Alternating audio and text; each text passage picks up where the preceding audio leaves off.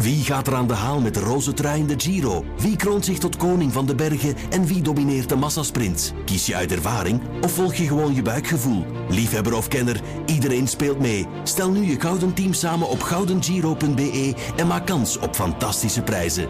De Gouden Giro, een spel van het laatste nieuws. Elke dinsdag hoor je Lievenscheire in de Q-ochtendshow bij Maarten en Dorothee. Hij kent alle antwoorden op de vaak complexe waarom-vragen die kinderen stellen. Waarom?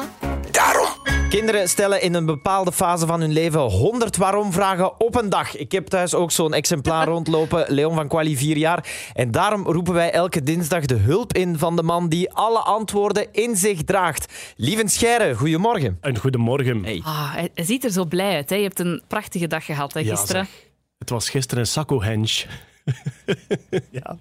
Leg vooral uit. Ja, ah, wel. ehm, Stonehenge kennen we. Dus Stonehenge, de stenen in Engeland. En ja, eh, eh, dat is dan heel lang geleden. Hebben ze daar stenen gezet op zo'n manier dat als de winter begint, komt de zon op achter een van die stenen, hè, van op een observatiepunt. En als de zomer begint, komt de zon op achter een andere steen. En dat is een soort sterrenobservatiecentrum. Nu, in Manhattan, in Amerika, hè, lopen alle straten kaarsrecht in een bepaalde richting. Dat is zo'n vierkant patroon. Dus wat gebeurt er? Twee keer per jaar gaat de zon onder, exact in het verlengde van die straat. En dan heb je zo heel mooi licht, ondergaand licht, dat door heel de straat schijnt. En dat noemen ze Manhattanhenge. Ja. Dus genoemd naar Stonehenge, maar dan Manhattan. Manhattanhenge. Nu, ik woon in, in een kaarsrechte straat in Gent.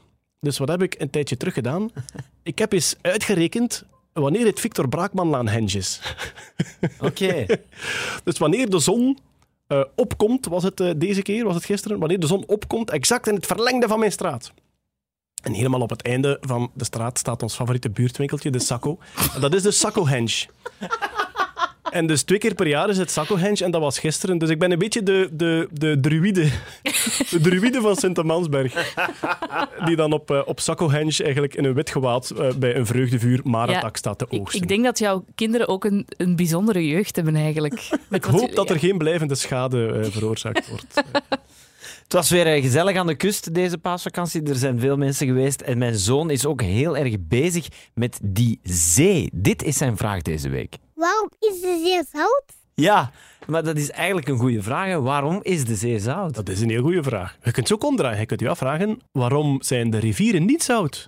Eh, Misschien is het water dat op aarde ontstaan is, misschien was dat gewoon zout water. En als het als zoutwater verdampt, ja, dan blijft het zout achter. En de regen is dan zoetwater. Dus je zou je kunnen afvragen, waarom zijn de rivieren niet zout? Ah ja, omdat het zout niet mee verdampt. Maar dan gaan we ervan uit dat het water dat op de aarde gekomen is, dat dat zoutwater zou geweest zijn.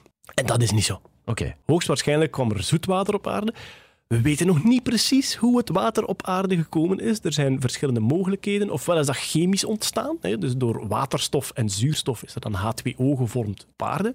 Wat er zo goed als zeker ook gebeurd is, is dat ehm, veel van het water bij ons gebracht is door kometen. Als die neerstorten op aarde, dan laten die heel veel water achter. Dus het zou kunnen, als je u, we zijn vrij zeker, als je een glas water neemt en je kijkt daarnaar, dat een stuk daarvan gesmolten komeet is.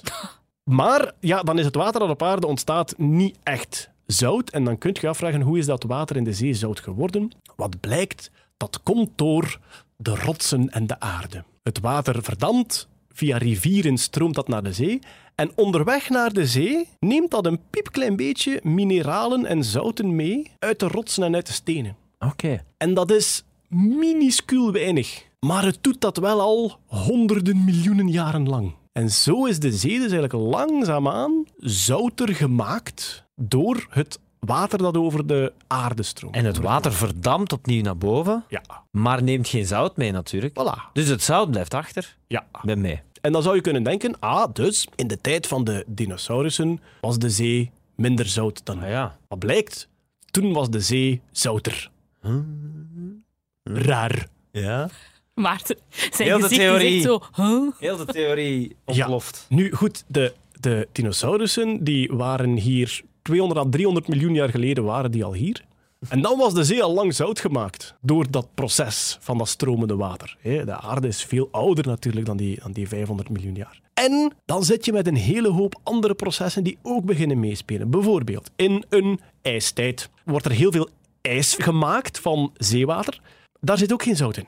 Dus dat zout blijft ook achter als dat bevriest, waardoor het overblijvende water een stukje zouter wordt.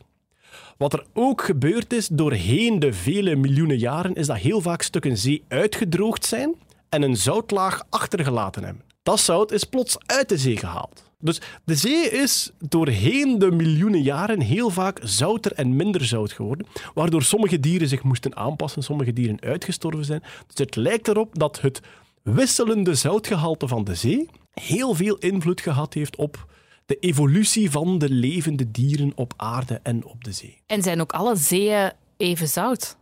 De zeeën die met elkaar in verbinding staan, die zijn ongeveer even zout. Op de plek waar een, waar een monding is, bijvoorbeeld, heb je natuurlijk minder zout. Ehm, stukken zee die afgesloten geraken, die worden langzaamaan zouter en zouter. De. Dode Zee bijvoorbeeld. Voilà, zoals Ja, de ja. Dode Zee, die zodanig zout is dat je er gewoon in drijft als mens. En de Dode Zee, ja, die gaat dus langzaamaan verdampen en die zal een zoutlaag worden. Ja, ja. In, in Zuid-Amerika heb je hele grote zoutvlaktes, Ja. waar vroeger inderdaad meren waren, afgesneden van de zee. Die zoutvlaktes die worden heel vaak gebruikt voor onderzoek, omdat die helemaal plat zijn. Die zijn natuurlijk langzaamaan uitgedroogd, dus die zijn echt gewoon letterlijk waterpas. En daar worden vaak snelheidsrecords gebroken. Omdat je daar met een auto of met een fiets bijvoorbeeld, kan je daar kilometers en kilometers lang over een kaarsrechte zoutvlakte rijden. Oké. Er zijn ook delen van de zee die zouter zijn dan, dan, dan elders. Ja, daar zijn alle- allerlei processen van diepte en stroming enzovoort. En daar zitten andere levensvormen dan in de delen van de zee die minder zout zijn. Ja, ja, ja. ja. Dus Waarom is de zee zout? De zee is waarschijnlijk zout gemaakt door de rivieren die miljoenen jaren lang piepkleine stukjes mineralen en zout meegeschuurd hebben van de rotsen waar ze overstroomden. dankjewel, lieve Scheire. Niet tot volgende week, want dan eh, zitten wij opgesloten in een escape room. Ah. Heerlijk escape rooms. Ja, en we weten nog niet of we jou daar gaan zien. Daar mag jij waarschijnlijk niks over zeggen. Of niet. Of wel, of niet. Of, Ik kan hem niet lezen. Ja. Nee, denk het niet. Ja. Of wel? Eh. Oh, oh, ik, oh, ik hoor cijfers. 4, 8, 3. Maar we- denken dan dat we jou eh, de week nadien ja, terugzien als we dan uit de escape room zijn. Dus in, Hopelijk. in dat geval tot dan. Ik wens je daar veel geluk mee. Dit was Waarom Daarom. Luister ook naar de andere afleveringen van deze podcast. Maarten en Dorothee hoor je elke ochtend van 6 tot 10 bij Q-Music.